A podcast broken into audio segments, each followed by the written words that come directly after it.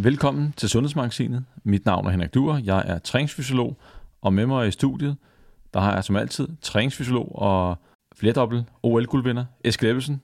Velkommen til. Tak, tak. Og glad for, at uh, du er tilbage igen. Den sidste havde jeg fornøjelsen af at, uh, at køre solo, og uh, ellers så har vi et, som altid et super spændende program. Til at starte med, så skal vi kigge på, hvad skal vi sige, paralyserede uh, kulhydrater i, i kosten. Uh, kan man, hvad skal vi sige, optimere præstationsevnen, hvis man skal vi sige, i visse perioder holder igen med kulhydraterne, således at man er lav på glykogen i musklerne, og så træner der. Kan man få ekstra effekt på udholdenheden? Og Eskild, det der med at uh, train high, sleep low og alle de ting, uh, er det noget, du, du har prøvet?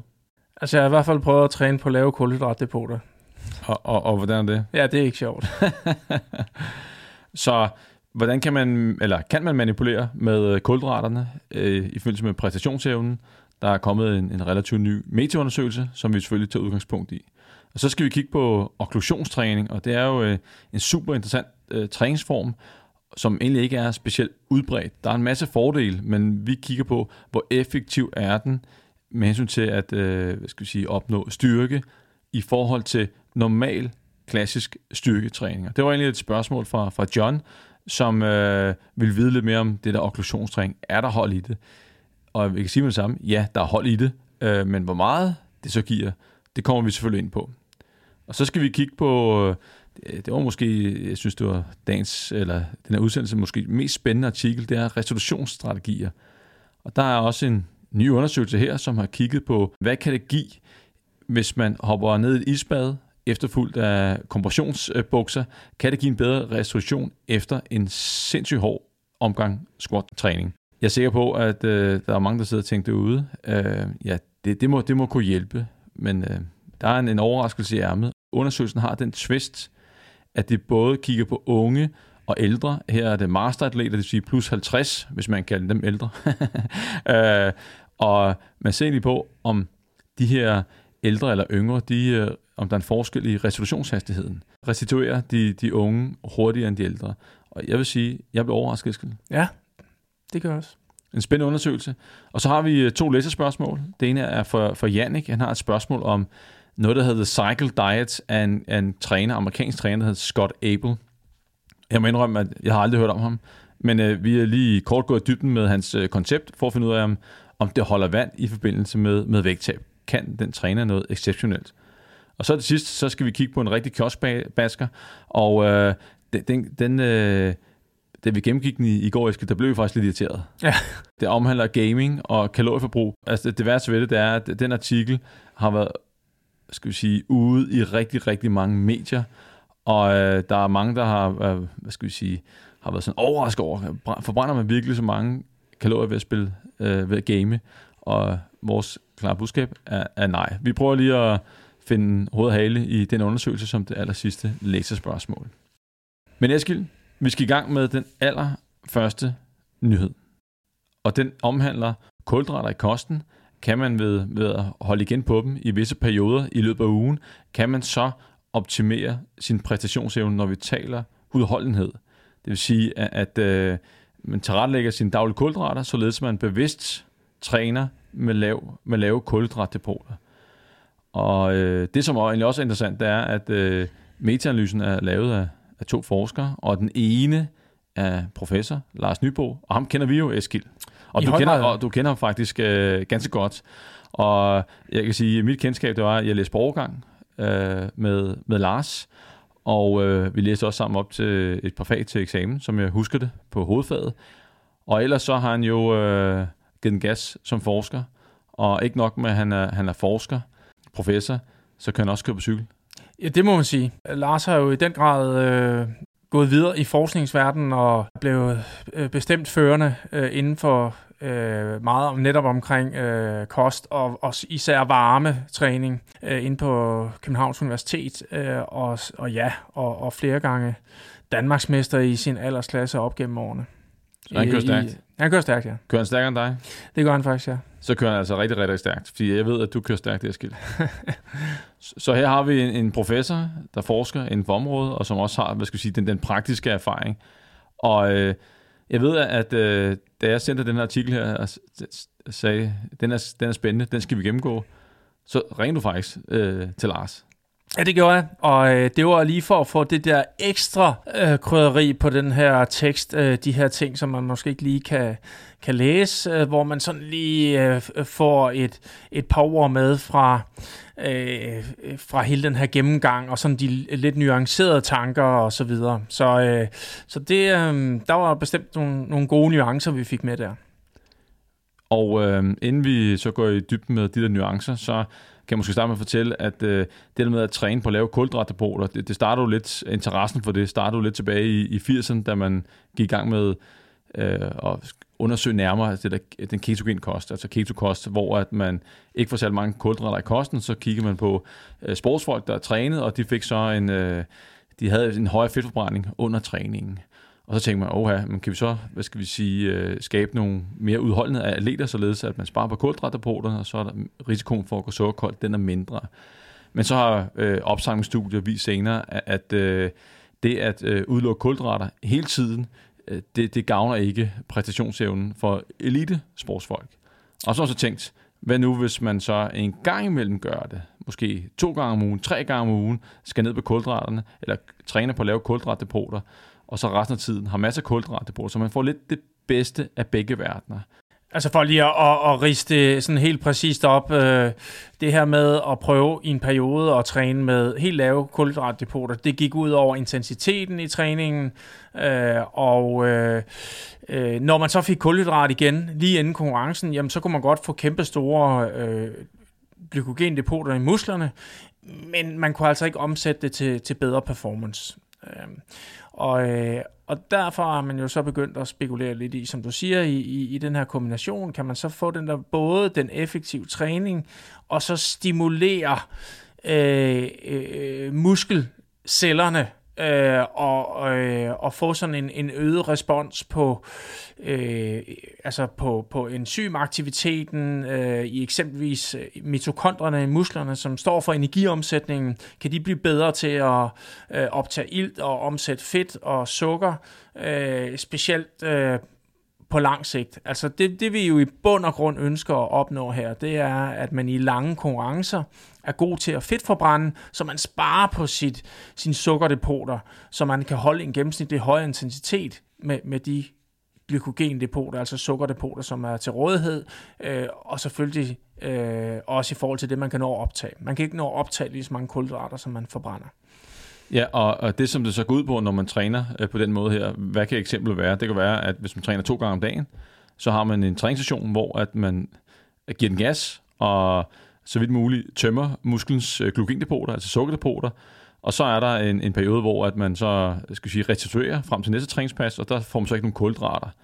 Og øh, så kommer så den, den træning nummer to, der træner man så på at lave glykogendepoter. Det kan også godt være den, hvor at man sleep low, hvor man træner hårdt om aftenen, og så ikke får nogen kulhydrater bagefter, så står man op om morgenen, laver et nyt træningspas, og så er der jo rimelig tømt ud, og så får man effekten af at, at øh, træne på at lave glykogendepoter.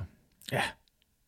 Og øh, kender du nogen, der har... Altså, du har jo... Altså, I din rå karriere, der har du, hvad hedder det... Øh, der var du ikke så meget udholdenhed. Det var 6 minutter øh, fuld pedal. Men, men du har jo efterfølgende interesseret dig for, eller trænet Xterra og lavet Ironman og, og så videre.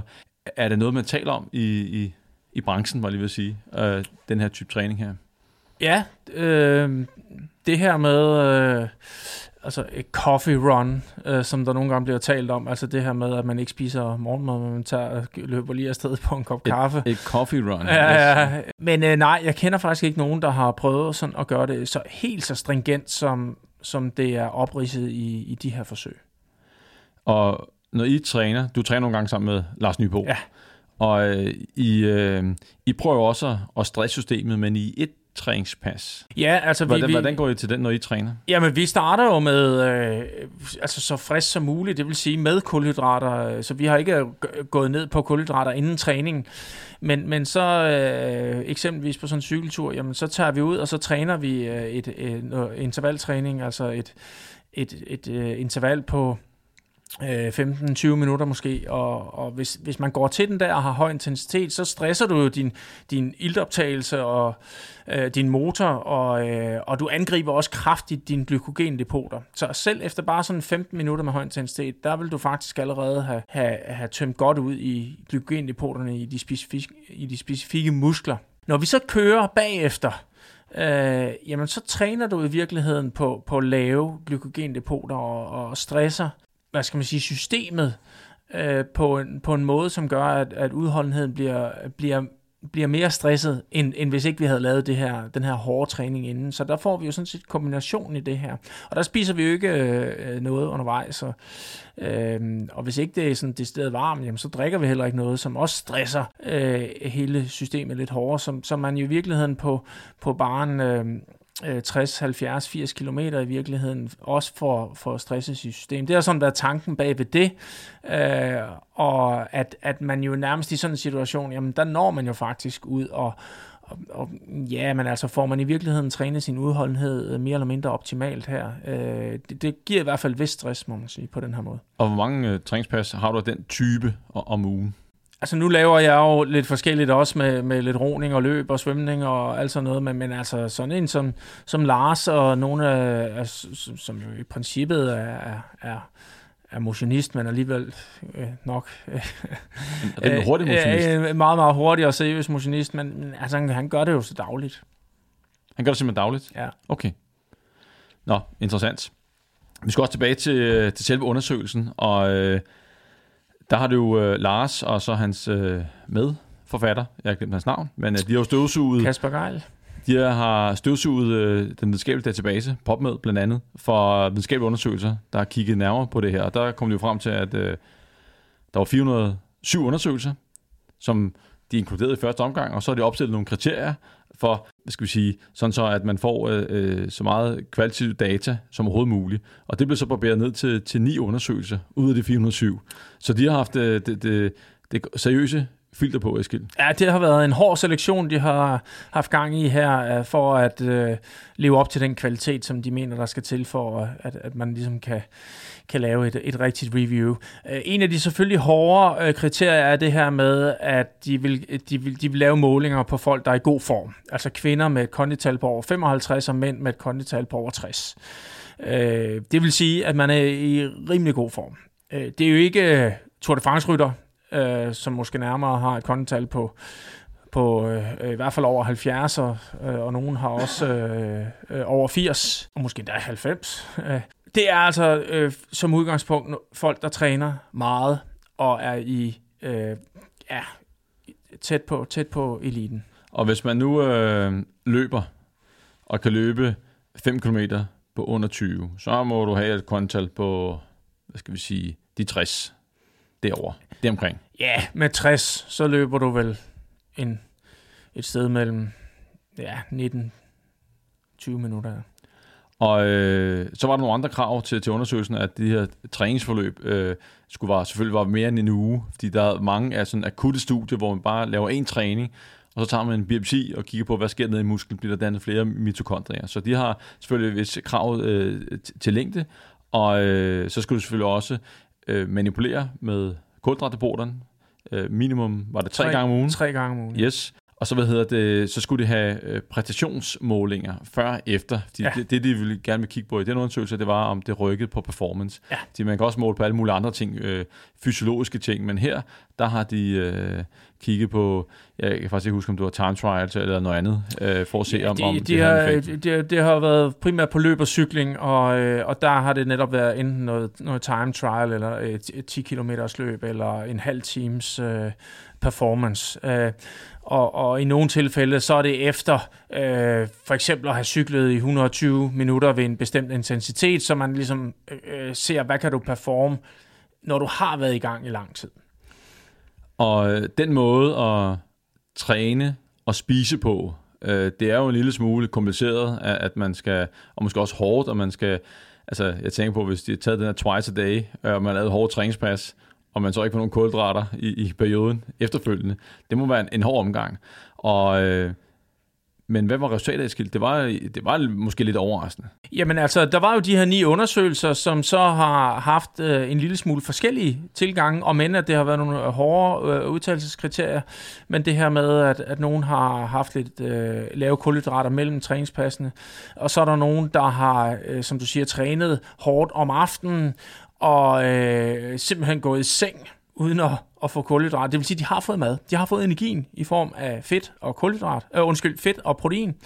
Øhm, men så står de altså op øh, og igen skal have noget øh, fedt og protein, og så skal træne uden de her kulhydratdepoter. Og det er klart, at det, det går jo det er jo voldsomt hårdt øh, og ubehageligt, og man vil ikke kunne levere den, øh, den samme intensitet. Øh, og, og det stresser selvfølgelig også muskulaturen. Men af de her ni undersøgelser, øh, der konkluderer man, øh, der var der altså øh, de syv af dem, øh, der ser man altså ikke nogen forskel. Det vil sige, at øh, i de her træningsforløb, som så har været mellem en uge og helt op til fire uger, jamen der får, øh, der får faktisk både dem, der træner på normal kulhydrat, og så dem, der har restriktioner i, i kulhydratindtagelsen, de får altså samme fremgang, hvor der så er to undersøgelser, som, som viser en fremgang øh, ved de her metoder. Så så, så den samlede konklusion er, som du siger, 7-2 til, øh, at det ikke virker, og det er også uh, artiklens overordnede konklusion, det er, at, at man, man ikke uh, kan, kan manipulere og, og forvente at få en, uh, en effekt på det. Også fordi, når man måske uh, træner hårdt i forvejen, og måske lidt af I gør, så, så bliver, altså, det er jo ikke sådan, at fedtforbrænding ikke bliver stresset øh, undervejs, og det, det gør den jo. Den bliver jo makspresset. Her prøver man bare måske at presse den endnu mere, for at se, om, om det har en effekt. Men, men indtil videre, så ser det ikke sådan ud. Ja, og præcis, og det var jo også den snak, jeg fik med Lars Nybo, at øh, jamen, på, hvis, du, hvis du får din, øh, dine kulhydrater normalt, og også, øh, også om aftenen, når du har sovet og så videre, hvis du alligevel har de der hårde træningspas, øh, hvor, hvor, hvor du også får stresset det, jamen, så kan du faktisk få det stresset rigeligt øh, på, den, på den rigtige måde. Altså forudsat selvfølgelig, at man ikke altid prøver at holde overfyldte depoter og, og spiser hele tiden under træning og så videre, jamen så, øh, så får du ikke stresset øh, fedtforbrændingen og udholdenheden på samme måde. Øh, og øh, der kan det måske godt betale sig en gang imellem at sige, jamen, øh, tag, nu, tag nu lige og, og øh, en gang imellem kører der lidt ud i tårne, øh, uden at få noget at spise, fordi det har systemet også brug for, for, for, for at, at blive stresset optimalt. Øh, så, så, så konklusionen er overordnet set, at du med den rigtige træning faktisk godt kan træne den her udholdenhed, øh, også selvom du når ikke du træner, får de kulhydrater, du skal have. Yes, så man kan vist roligt sige, at øh, det ikke er besværet værd. Nej, øh, det der selvfølgelig er super, super interessant, det er jo også at gå ind og kigge på, jamen hvad var det så ved de her to undersøgelser, der rent faktisk så en effekt? Og, øh, og blandt andet det ene af dem er jo virkelig, virkelig interessant, fordi der, øh, der får gruppen, som har trænet på lave kulhydrater, øh, og øh, de, de får altså en, en fremgang på, på 3%. Øh, og 3% regner jeg lige om til øh, øh, over et minut. Altså et minut og 12 sekunder, tror jeg det var, hvis du løber øh, 10 km på øh, 40 minutter. Som en afsluttende øh, øh, tier på, på et, et triathlon, som, øh, som de har lavet her, hvor de har øh, inden selve inden selve øh, den her, øh, de her 10 km løb, der har de altså cyklet 40 km, som man også gør på en olympisk triathlon. Øhm, og det er alligevel noget af en forbedring. Altså i princippet 7 sekunder per kilometer, det tror jeg, der er mange, der, der gerne vil have, som, som træner sådan halvseriøst. Øh, øh, men der er også et, et par enkelte kritikpunkter ved, ved, ved det her øh, forsøg, blandt andet, at, øh, at dem, der var på lav kulhydrat, de også tabte sig. Øh, og vi ved, at vægttab det betyder meget for, for løbet. Og øh, det var altså et vægttab, de ikke fik i kulhydratgruppen. Um, så, så, så det i sig selv kan godt have givet den og, her og, og, og der kan man jo også øh, regne, hvad, hvad, hvad sparer man på et kilos vægttab på løbeperformance. Selvfølgelig er det afhængigt af den enkelte løbeøkonomi og så videre, så videre og, og hvor det bliver taget fra øh, på kroppen og de ting der. Men, men der er helt sikkert også nogle tommelfingerregler for, at et kilos øh, vægttab giver så så meget mange sekunder per kilometer. Ja, ja præcis. Og så var der også lidt kritik af, af den intensitet, som dem, der så rent faktisk fik nok kulhydrater, øh, jamen har, har de stresset deres system hårdt nok, fordi de har altså ikke fået nogen forbedring, som, som de i øvrigt gør i, i, i, i alle de undersøgelser, som, øh, hvor, øh, hvor man ikke så en forskel i to grupper. Der, der forbedrede øh, træningsprogrammet faktisk deres performance øh, i, kan man sige, i de resterende syv. I de her to, hvor de har en forbedring, jamen der forbedrer de sig faktisk øh, ikke i kulhydratgruppen. Jamen er de så blevet, er de blevet stresset nok? Altså, når man har flere kulhydrater i kroppen, jamen så, så skal man også måske træne med høj intensitet for at få den samme træningseffekt. Yes. Så summa summarum, indtil videre, så ser det ikke ud til at, at have en stor effekt og manipulere sine kulhydratdepoter til træning, så man træner lavt en gang imellem. Fremtiden altså, må vise, om, om I hvert fald ikke sådan, øh, i sådan uh, helt uh, overdrevet uh, scenarier, som, som der bliver sat op her, men, men uh, som sagt, så giver det også mening at træne uh, og, og, og være lidt tømt ud en gang imellem. Ja, og man kan jo sige, at de fik jo ikke tilbagegang på træningen. Nej. Og, og, så man kan jo prøve det af, men, men det der så det, det kræver, det kræver lidt tilrettelæggelse og noget planlægning, det vil sige altså øh, en øget motivation. Det bliver lige, lige bliver lidt mere besværligt. Ja, når man og, og det er netop en, en rigtig god pointe, og, øh, og det jeg også tænker på i det her forsøg, hvor de rent faktisk har fået en fremgang øh, på, på de her 3 procent, øh, jamen altså, de har trænet... Øh, øh, hit-træning om aftenen, og så har de sovet uden at få kulhydrater, og så skal de altså op og lave AT-træning. Anaerob tærskeltræning. Øh, anaerob tærskeltræning om morgenen der. Altså, det har ikke været sjovt, og jeg tænker også, der er sådan en øget risiko for måske skader og, og blive syg og så videre, når man, øh, hvis, man, hvis man stresser det lidt for hårdt. Alrighty. Nu kan vi ikke komme mere så på det. Nej. Lad os uh, rulle videre til uh, en anden træningsform, og det er okklusionstræning. Hvis du træner i et fitnesscenter eller måske på en fysioterapiklinik, så har du måske set nogen, der tager sådan nogle straps og strammer om låret helt op ved, ved hoften, eller øh, på overarmen helt op ved, ved skulderledet, for at øh, få en, en speciel træningseffekt. Og det her okklusionstræning, som også bliver kaldt katsu-træning, det går ud på, at, at man begrænser blodtilførselen til musklen, og så egentlig lukker helt af for tilbageførselen. Og der kan man godt regne ud, at øh, der er noget blod, der bliver ophobet ude i musklen, der er nogle øh, metabolitter, altså nogle kan måske også kalde det affaldsstoffer, som ikke kan komme væk. Og det er i kombination med, at man løfter en lav vægt og tager mange gentagelser, øh, måske til udmattelse. Det ser ud til at have en, øh, en god effekt, både på øh, opbygning af muskelmasse og også øh, på styrken, og det er det, det er det, vi skal dykke ned i. Så rent historisk, så er det jo en træningsform, som har været på banen i, i en del år, og det, jeg tror måske af navnet Katsu, kan man høre, at det, det må stammer fra Asien. Og der var en, en japaner, en Dr. Sato, som, øh, altså, jeg tror, at historien går på, at han blev skadet. Og det var tilbage i 70'erne. Jeg tror, han brækkede sin ankel. Og så prøvede han af et eller andet mærkeligt årsag, og jeg ved ikke, hvordan han kom på den tanke, men at tage nogle, nogle bånd, og så lukke lidt af for blodtilførelsen, og så lave nogle små bevægelser, som han nu kunne, øh, mens han var skadet. Og det, der så var interessant, det var, at øh, han har stort set øh, bibeholdt muskelmassen undervejs, og så øh, havde en meget kortere genoptræningsforløb, og det var lægerne imponeret over. Så Dr. Sato, han gik i den retning, og øh, tilbage i 80'erne, der, der kom så de første øh, katsu, øh, hvad skal vi sige, øh, forsøg. De, de første blev publiceret. Og inden vi kigger på sådan den seneste metaundersøgelse inden for kartotræning og, og styrke, så kan jeg lige prøve at spørge dig, Eskild, har, altså vi har jo haft op før, i en tidligere ja. podcast, men det var i forbindelse med, med konditionstræning. Og, øh, og det, du, det prøvede du kræfter med. Ja, det gjorde jeg.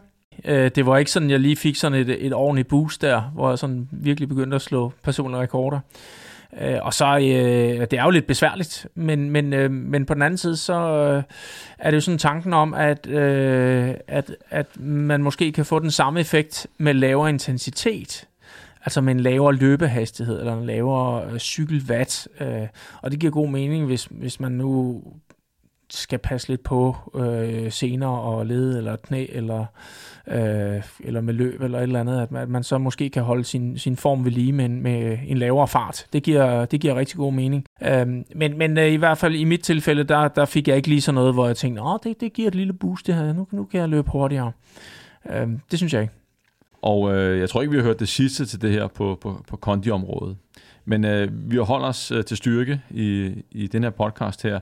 Og hvis man sådan går og tænker lidt over, hvordan ser sådan et, et, et program ud, så har jeg nogle, øh, fundet nogle retningslinjer frem for, hvordan sådan en, en, en træning egentlig ser ud, eller hvordan det fungerer på ugebasis. Og typisk så er, ligesom almindelig styrketræning, måske to-tre gange om ugen. Belastningen ligger omkring 20-40% af en af dem. Så hvis 100 kilo er det, du kan løfte en gang, så ligger man og træner med belastninger med omkring 20-40 kilo.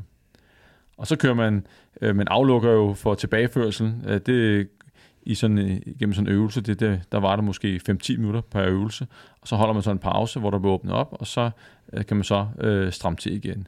Og ligesom almindelig styrketræning, så er der typisk 2-4 sæt. Gentagelserne er lidt anderledes. Øh, typisk så tager man mange reps i den første, det kan være 30, og så efterfulgt af 2 eller 3 sæt med cirka 15 gentagelser i hver. Og så er der en pause mellem sættene på øh, 30-60 sekunder og øh, en normal bevægelseshastighed.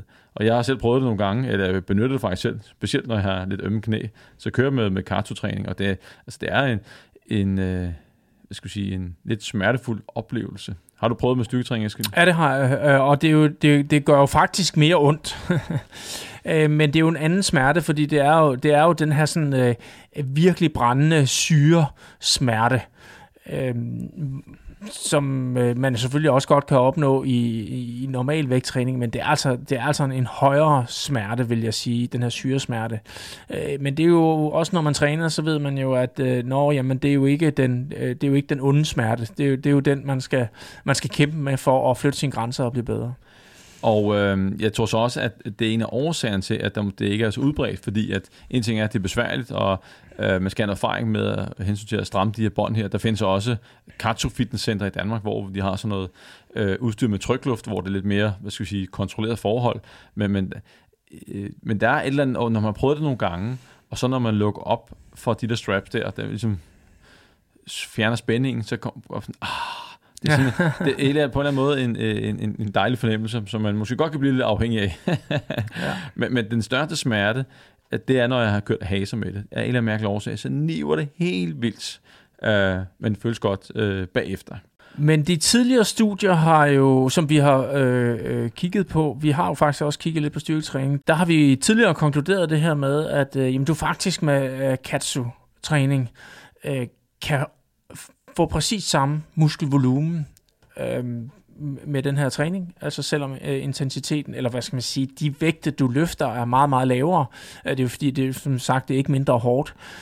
Øh, men, men tidligere har vi så konkluderet, at, øh, at man ikke kunne få den samme, hvad skal man sige, forbedring i 1RM, altså den vægt, du lige nøjagtigt kan tage øh, en gang. Så man har ikke fået den samme styrke forbedring, til trods for, at man har fået den samme muskelvolumen. Men det er jo så modsat den her undersøgelse, som, som jo også er meget, meget grundig. Øh, det må nu sige. talte vi om øh, den tidligere undersøgelse her, som også var igennem nogle meget, meget hårde øh, selektionskriterier for at komme igennem den her review-undersøgelse, eller meta-undersøgelse, som vi også kalder det. Ja, og de starter jo med 1413 papers identified, står der. Og inden de øh, får barberet det helt ned, hvis vi nok komme ind på nogle af kriterierne til, at, at øh, inklusionskriterierne i den her metaundersøgelse, jamen, øh, de ender faktisk på, på 16 studier, hvor at, øh, det samlede antal forsøgspersoner, de, der, der kommer fra de 16 undersøgelser, det, det er cirka 310 øh, deltagere. Det er alligevel en, en vis størrelse.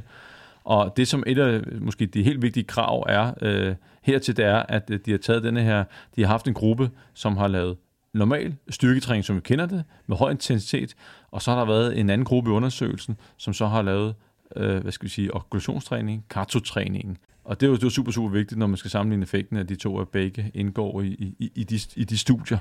Og det er både på øh, øh, yngre og ældre, som er, er kommet i, i de her undersøgelser her.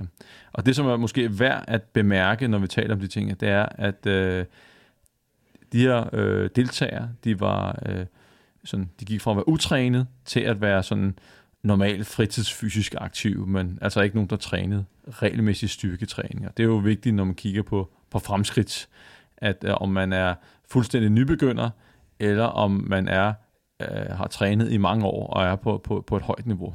Og så kan man sige, at øh, en anden ting, som de så også kiggede på, det var, at øh, de skulle også have en vis vejhed, og typisk var det mellem øh, 4 og 16 uger, øh, de studier, der var inde, så man ved også, at øh, der er vejhed nok til, at øh, træning det, den har en effekt. Så det er ikke bare en uges træning, nej, det er fire, og op til, fire op til 16 ugers træning. Jeg vil sige, jeg blev lidt en lille smule overrasket over resultatet af skilt. Øh, igen, fordi at når vi tager styrketræning, konventionel styrketræning og, og løfter tungt, så øh, arbejder man jo på to fronter med styrken. Det ene er øh, musklens tværsnit, altså opbygning af muskelmasse, og den anden, Øh, og så er der arkitektur i musklen og de ting. Øh, men den sidste ting er jo også øh, nervesystemet, at vores evne til at aktivere musklen, rekruttere flere motoriske enheder, få fat i flere muskelfiber på en gang. Man kan tænde på dem og få dem til at trække sig sammen. Det er tung styrketræning jo kendetegnet ved. Og så tænker man, jamen hvad så med sådan noget lavintens træning? Men Eskild, der blev vi, jeg blev i hvert fald overrasket. Jeg ved ikke, om du havde set den komme. Nej, nej, øh, præcis, at, øh, at altså, den her lavintense træning skulle give den samme øh, effekt, også på, også på styrken.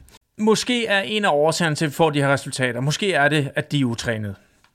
At øh, når man tager fat i folk, som måske har trænet i, i mange år, og så, øh, så er det ikke sikkert, at, at man måske vil få helt den samme styrkeforandring. Det ved vi ikke, øh, men det er i hvert fald det, vi har set i nogle af, nogle af de andre meta-analyser, vi har, vi har kigget på øh, tidligere. Men, men vi ved også, at man kan sige, for, for meget veltrænet, som er svært ved at komme videre, så sådan noget som en form for variation i træning, ja.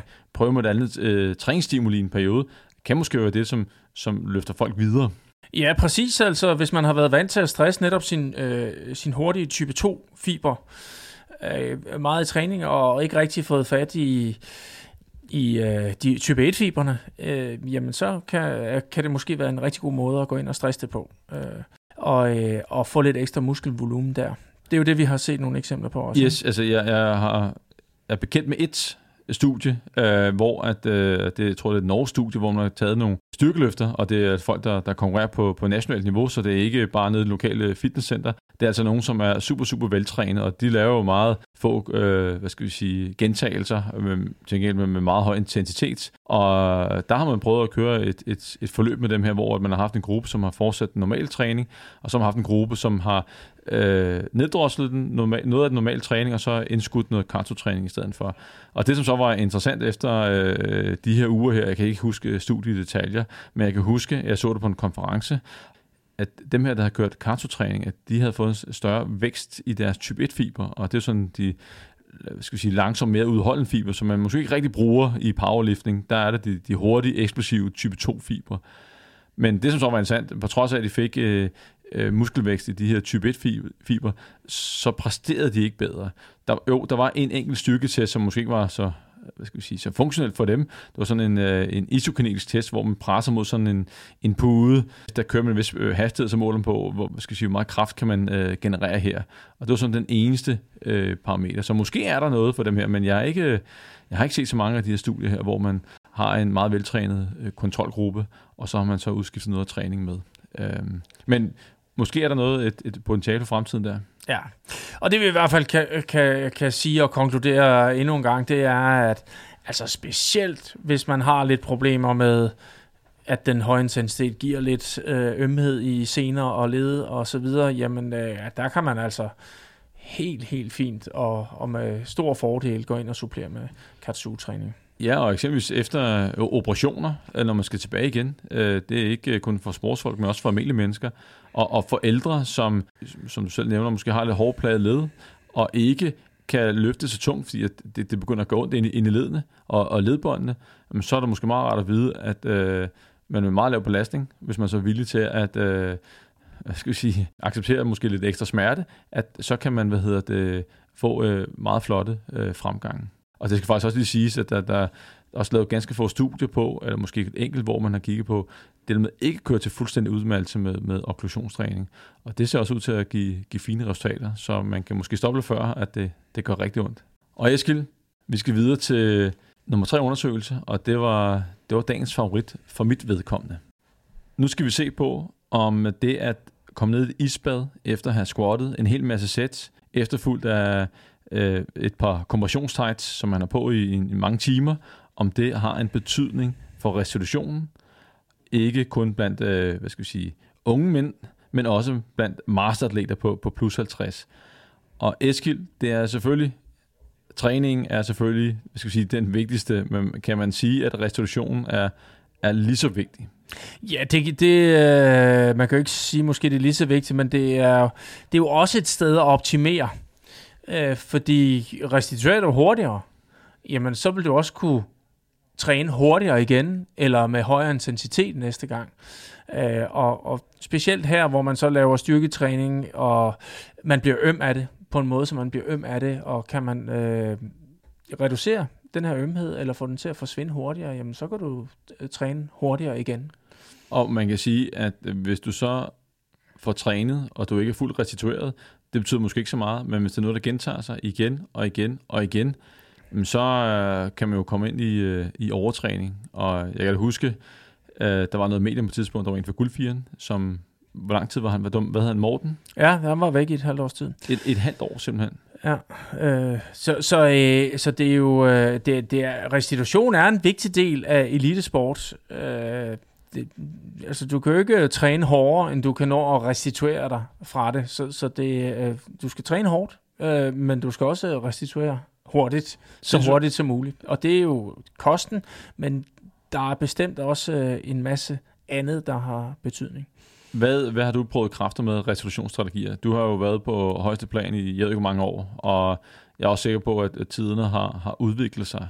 Ja, ja vi, vi har prøvet, du, du prøvet vi, vi har ligget i de her kompressionsbukser også, så vi har ikke øh, dyrket det her koldvandsbade. Øh, det var sådan lige begyndt at komme lidt frem øh, øh, på det her tidspunkt. Men jeg vil sige lige netop øh, det kostmæssige og hvile, øh, og, øh, og, og det at være meget bevidst om, hvor meget vi står og går, når ikke vi træner. Det, det, har, været, det har været meget, meget, meget højt prioriteret. Og jeg kan huske, jeg tror, jeg kan huske, at øh, da I var i Beijing, og nu må du må selvfølgelig rette mig, du har været der, at øh, der havde en, en golfvogn, et eller andet, for at komme ud til båden, fordi I ikke skulle gå så langt. Hvordan, hvordan var det? ja, ah, vi havde, ja, vi havde de der busser, og, og jeg kan huske på et tidspunkt, altså vi skulle, det var ikke særlig langt at gå, men altså, øh, det tænkte om vi skal, vi skal ro i morgen. Øh, så vi blev bare siddende og vente på den der bus, øh, selvom vi kunne have, have nået at, at, at gå øh, derhen, hvor vi skulle i, i, i den tid, vi rent faktisk ventede. Øh, men det var sådan en prioritering for at ligesom sige, at øh, vi ønsker kun at stress kroppen og musklerne med rotræning, øh, fordi det er det, vi skal super optimere os til. Selvfølgelig. Som du også har fortalt, at øh, det er jo 100 sekund, der kan afgøre øh, medaljerne. Det, så skal man ikke gå ned på noget som helst.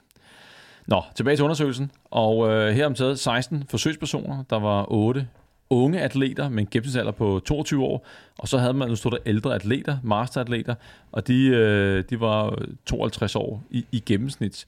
Og dem har de fået matchet nogenlunde, fordi de, begge, der er ikke forskel i højden, øh, 180 cirka, og det, som jeg egentlig synes er lidt imponerende, det er, at øh, en ting er, at de unge atleter har en fedtprocent på 12,8, så har øh, plus 50-segmentet en fedtprocent på 15,2. Hvis du tager øh, den danske befolkning, 52 år og kigger på deres fedtprocent, så er der ikke mange, der, der ligger dernede.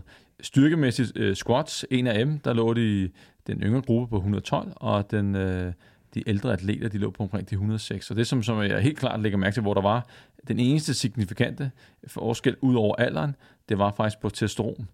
Og uh, de yngre atleter, de har altså dobbelt så meget testosteron i blodet, som øh, de her ældre mænd. Og de der ældre mænd, de var jo relativt svære at finde, Eskild. De ja, jeg fik unge ja, forsøgspersoner. Ja, ja. fik... altså, der er jo ingen tvivl om, at det er, er meget veltrænede ældre mænd, når vi taler uh, squat her, og de, de uh, laver også, uh, kan man sige, træning ved siden af. Uh, de skal kunne squatte uh, mindst 120 procent af deres egen vægt i et half squat, altså hvor man går ned til 90 procent.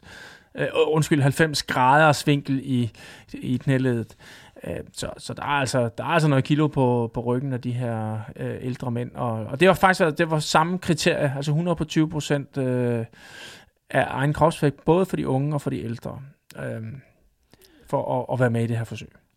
Et af de andre kriterier for at være med i, i undersøgelsen er, at man skal minimum have trænet to gange styrketræning om ugen i minimum et år. Og når jeg så tænker, en ting er at de unge, som har hvad hedder det, de er jo 22 år, der er måske grænser for, hvor mange år de har trænet. Uh, men har vi nogle master, masteratleter her, så må ikke de har trænet det meste af deres liv. De har, jeg, jeg, jeg har ikke deres gennemsnitlige træningshistorik, men jeg kan forestille mig, at, at de har trænet i langt flere år end, end vores øh, unge målgruppe. Det kan måske i baghovedet, når vi kigger på resultaterne.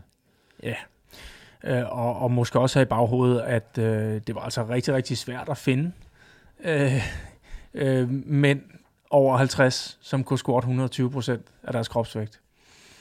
Og øh, det, de så blev udsat for, det var, at øh, de blev sat til at squatte, og de øh, lavede ni sæt squat med otte gentagelser. Og øh, de lå så, altså belastningen var på 70% af deres 1 AM, så hvis de kunne squat 100 kilo, så trænede de med 70 kilo. Man tænker, det lyder jo ikke særlig meget, at man skal tage 8 gentagelser. Øh, men det er sikkert også nemt i de første to, øh, tre sæt, men derefter, så, så bliver den, den presset. Så det en relativt stor volumen, at de, øh, de får pakket ind i de der træningspas. Udover at de så ryger i koldt vand, og de får kompressionsbukser på, så tester man den efter, lige efter, altså før, lige efter, 24 timer efter, 48 timer efter, og helt op til 72 timer efter. Ja, det skal, vi skal måske lige også sige, at øh, de der ni sæt af otte repetitioner, der kører de jo altså det sidste sæt til udmattelse. Så de bliver kørt helt i bund. Og hvis man lige kigger sådan overordnet set på resultaterne, Eskild, var der så nogen forskel at hente nogle steder? Overordnet set, nej. Så øh, var der faktisk øh, lige så hurtig restitution tilbage til, til udgangsstyrken øh, hos, øh, hos de gamle og hos de unge.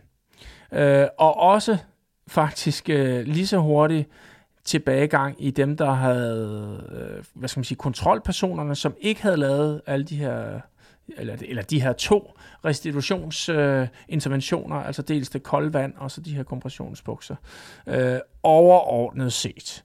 Øhm, og, og, så, som, og som det er også øh, konklusionen, kan man sige. Men hvis vi skal gå direkte til øh, nuancerne, så konkluderer man faktisk også, at, at der er jo nogen, som decideret får en, en, en fremgang, og øh, at, at det faktisk er, at der er individuelle forskel på, om det her det virker eller ikke virker.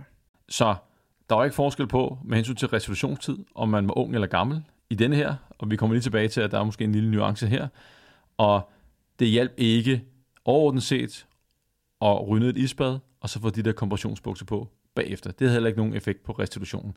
Men der er jo så altid nogen, individuelle forskelle, hvis man går ned og dykker lige under øh, hvad skal jeg sige, gennemsnitstallene, hvad ligger, der, hvad ligger der til grund for dem, så var der altså nogen, der, der havde rykket sig. Og det var de der, der var, der var tre stykker, som havde oplevet en effekt af de her restitutionsstrategier. Øh, ja, øh, to ældre og en, og en ung.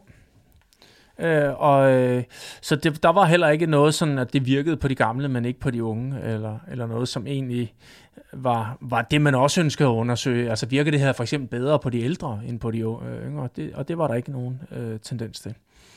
Og så var der noget med, de blev også spurgt til, om det føltes godt. Ja. Øhm, og hvordan hang det sammen med... Ja, men det, og det er jo det, der er super interessant. Det er jo, at... Øh, at man har jo lavet øh, de her sådan deciderede fysiske målinger af, om, om man var tilbage til den, øh, altså hvor hurtigt man restituerede. Altså man blev dels målt på øh, counter movement jump, altså det her med, altså simpelthen hvor højt kan man springe. Øh, øh, altså med, med dobbelt afsæt øh, af benene. Altså øh, hvor man sætter af med begge ben på en gang. Og, øh, og så også i en RM øh, på, på både squat og, og leg press, og så måler man også på øh, tension i musklen, altså hvor, om, om de ligger, hvor, meget, hvor afslappet øh, musklerne er. Øh, det er jo sådan, de, og man måler også på noget kreatinkinase. Øh, alle sammen fysiske målinger, subjektive, øh, undskyld, objektive målinger på, om, om de er restitueret. Men så laver man også nogle subjektive målinger. Altså, hvor, hvor klar synes du, du er, og hvor, og hvor godt har det hjulpet. Øh, øh og øh, at sjove, det var jo, at, at der var jo fire, som, som angav, at øh, de synes virkelig, det havde hjulpet. Det var altså kun de, de to af dem, der rent faktisk havde fået en, en forbedring. Så de to andre havde, havde fornemmelsen af, at øh, hold det fest, det her, der har en effekt. Jeg, jeg skal huske at sætte mig ned i isbad, og så få kompressionsbukser på bagefter. Ja, præcis. Men, men øh, når og så, så kigger på hardcore og, data, så var der ingen effekt. Nej, lige nøjagtigt. Og omvendt, øh, så var der så en, som havde fået en klar øh, resultatforbedring af, af, af de her øh, restitutionsmæssige forhold. Øh, men han synes ikke, det havde hjulpet. øh, men, men det kunne man altså klart og tydeligt se, at øh, han restituerede altså hurtigere. Øh, så, så det her med, at, øh, at, at man lige skal fornemme, hvordan det er, det, det kan man altså godt have svært ved. Og, og, det, og det er faktisk også det, de konkluderer her. Og, og det synes jeg også er, er en, en rigtig god aha-oplevelse, og det er jo i hvert fald noget af det, som, som, som, som jeg har oplevet i, i rigtig, rigtig mange forskellige øh, scenarier, når man nu skulle øh, i elitesporten og skulle teste forskellige ting, om det nu virkede. Øh, altså om det så var vindmodstand eller forskellige strategier osv. Det er meget, meget sjældent, man kan mærke, om noget er godt eller om en cykel føles godt, eller en båd føles godt, eller nogle år føles godt. Øh, det er altså ikke det samme som, at det går hurtigere. Eller omvendt. Faktisk godt have situationer, hvor det føles dårligere, men det, det virker, og det er bedre. Og, så, og, så det, man kan... og det har du prøvet i, i praksis masser af gange, når I har testet nyt udstyr ja. i, øh, i båden og alle mulige andre ting. Præcis, altså øh, et sæt nye over vil altid føles, øh, øh, altså, som er lettere og stivere. Ja, det føles altså ikke godt men når man har vendt sig til det, så, så er det hurtigere. Øh, en, en kulfibersadel, der er super, super let, den føles heller ikke altid godt. øh, så, øh, så man får mange gange det her råd, at øh, Nå, jamen, øh, der kan være nogle individuelle forskelle, så, så prøv at se, hvordan det føles for dig, om det er godt for dig, om det, det er noget for dig. Det er altså, det er altså ikke det rigtige råd i det her tilfælde. Nej. Det kan det måske være, hvis vi handler om, hvad for en motionsform skal man vælge, øh, fordi der, er det, der kan det godt være godt råd, fordi der skal du vælge noget, som du også fortsætter med i lang tid. Præcis, der er motivationen ind, indover. Ja. Og jeg vil lige springe tilbage til de her lidt, lidt ældre, øh, de her masteratleter. Du havde en pointe lige inden vi optog her, og det er, at er de her masteratleter måske i lidt bedre form end vores øh, yngre atleter. Fordi at, øh, altså overraskende er for mig i, i den undersøgelse, at, at der ikke er nogen forskel i restitutionstid. Vi ved, at alle mulige andre ting går ned. Muskelmasse, der er sikkert noget øget stivhed forskellige steder. Der er øh, alle funktioner i kroppen går vel den går nedad fra en 25-30 års alderen. Så at, at, at man fysiologisk set skulle restituere, at der ikke er nogen forskel i den proces. Det, det er Øh, det var i hvert fald overraskende for mig, og øh, jeg var stadig 20 lidt på det, og derfor forsøger vi så også med lidt biased, at vi forsøger at finde fejlene, om der er nogle fejl, men jeg synes, der er lidt en, en, en pointe i, at det er måske mere veltrænet, de her, de her ældre her. Ja, altså det her med, at man går ind og, og skal finde personer, som kan squatte 120% af deres egen kropsmasse, der behøver man altså ikke at træne lige så meget, hvis du er 22 som hvis du er 52. Altså du skal simpelthen træne mere, eller i hvert fald være en eller anden form for talent, øh, hvis du skal kunne det som 52-årig. Øh, så min pointe er, at de her 52-årige, som rent faktisk kan squat mere end 120% af deres kropsvægt, de, de har også trænet mere, eller i hvert fald har en længere historik. Og hvis man er i bedre form, så restituerer man også hurtigere. Øh, så det kunne godt være en af, af de her ting, som, som man måske øh, kunne være en fejlkilde. Altså, øh, hvis man nu matchede på, helt præcis, hvor meget trænede man, så kunne det måske være, at man fandt en, en forskel i restitutionstiden. Og øh, vi ved også, at med, med, med de ældre her, som du nævnte indledningsvis, at det har været svært at finde. Hvis man finder en, en, en veltrænet 52-årig, som er stærk og har en lav fedtprocent, er der måske noget naturlig selektion i, i, i blandt øh, dem. Vil man, hvis man så spole de her 22-årige øh, 30 år frem i tiden, vil de måske have øh, samme resolutionsevne. Øh, det er næsten, øh, jeg, jeg kunne sagtens forestille mig, at der er en forskel, men vi ser ikke noget. Nej. Så det, den, den må, øh, der, der må, jeg vil sige, der skal lidt flere studier til, før jeg er, er 100% overbevist. Ja, øh, og der er også... Øh, der er også, man kan sige, der kunne godt være noget, der tyder på, at de var øh, øh mere trænet i selve squat-øvelsen, de her ældre. Øh, fordi så snart de skal ud og lave øh, øh, counter movement jump, altså øh, ja, hvor højt øh, kunne de springe, og øh, så, så øh, sprang de unge altså væsentligt højere. Når det er sagt, så ligger der noget på, at, øh, at det der med øh, koldvandsbade rent faktisk skal hæmme udviklingen af, af hypotrofi, af, af muskelmasse på den lange bane. At der er nogle af de der anabole processer, som bliver, bliver sænket øh, efter koldvandsnedsænkning. Så jeg tror, man skal være opmærksom på, hvad, øh, hvis man giver sig kast med det, er det så øh, dag-til-dag restitution, så man er klar til ny konkurrence, nyt løb og, og så videre, Øh, eller er det over en længere periode, hvor man måske skal opbygge noget styrke og noget muskelmasse? Er det så en god idé med at sænke sig ned i koldt vand? Det må, det må fremtiden vise, Askild. Ja, præcis, og, og fremtiden må også vise, øh, nu taler vi om kompression, øh, det er altså sådan nogle øh, øh, tights, øh, man har på, som, som strammer omkring lårene, øh, som man har på fra 24 timer efter træningen til øh, 48 timer efter. Så man går altså med dem i 24 timer. Øh, der er jo også kommet de her øh, kompressionsbukser øh, øh, med, med lufttryk, som går op og masserer osv., og, så videre, og det er vi også meget spændte på, om der kommer noget, noget mere videnskabeligt øh, på, om det har rent faktisk en restitutionseffekt. Præcis. Og nu skal vi til de to læsespørgsmål, og hvis du har nogle emner, områder, du kunne tænke os, øh, at vi skulle dykke øh, ned i, så øh, send os endelig en, øh, en besked, enten på sociale medier eller på min e-mail info Så kigger vi hjertens gerne på det. Det første læsespørgsmål omhandler noget, der hedder The Cycle Diet. Den type diæt har været brugt i 30 år af en træner, der hedder Scott Abel for USA, og som jeg sagde indledningsvis, så har jeg aldrig hørt om ham. Men øh, han øh, har praktiseret denne her, og så er spørgsmålet, virker denne her øh, diæt, diæt, kan han noget specielt? Og øh, noget med, han benytter noget, der hedder biofeedback, som en del af, hvad skal jeg sige, projektstyringen. Og, og ganske kort, The Cycle Diet, den, den strategi, der går ud på at bruge cheat days, såkaldte refeeds, alle sådan ting, og kalorieunderskud. Og der er intet nyt under solen her.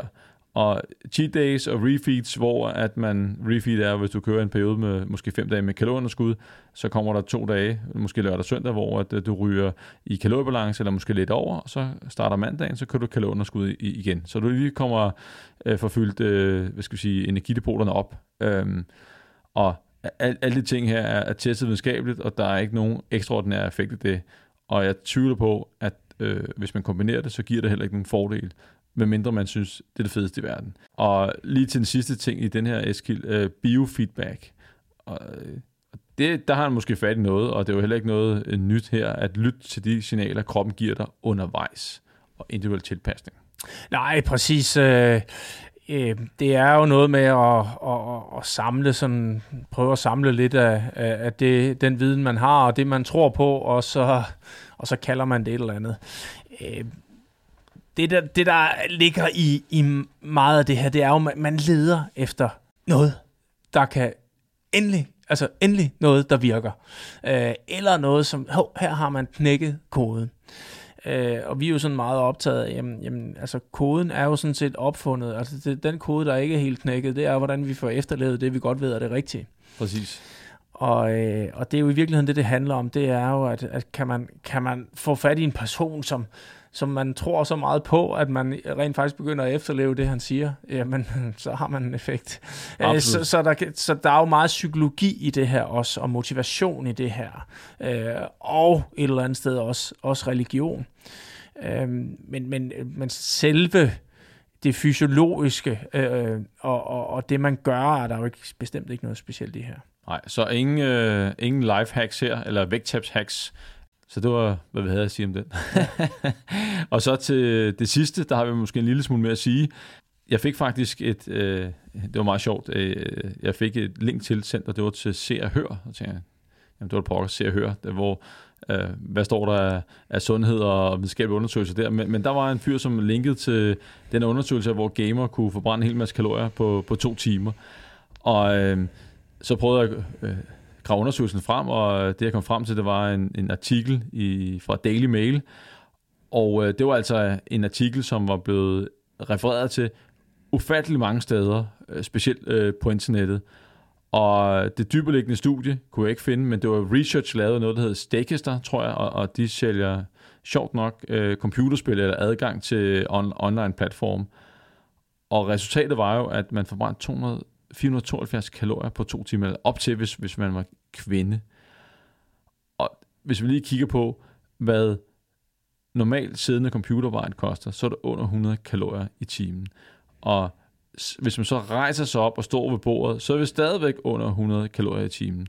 Og jeg har set min søn game, og øh, jo, det kan godt være, at han, han rykker lidt kraftigt på musen og trykker på en taster, men det er jo ikke noget, der retfærdiggør nogle af de kalorier de har jo lavet forskning, og de har målt på det, skriver de. De skriver så ikke helt præcis, hvordan de har målt det. Jo, der var noget med noget pulsæskilt, de havde kigget på.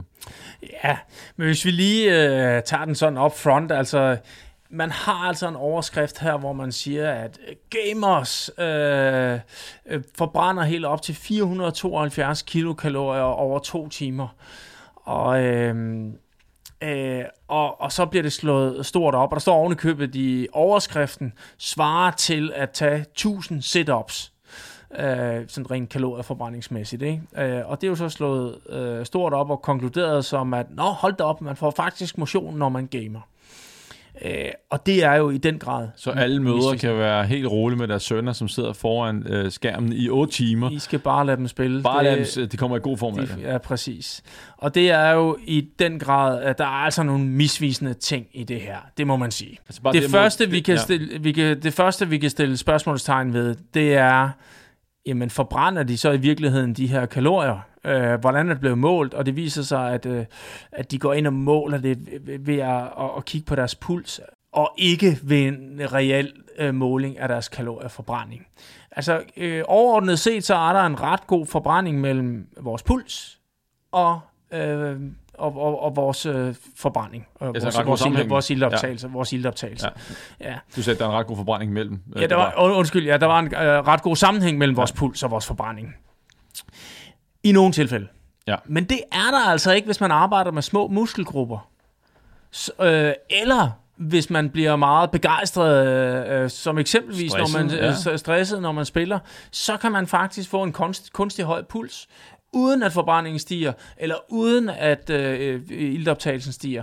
Øhm, vi ser det også fysiologisk, altså arbejder du med små muskelgrupper, som eksempelvis kun armene, jamen så stiger pulsen, men, men iltoptagelsen og, og dermed også forbrændingen stiger altså ikke i samme grad.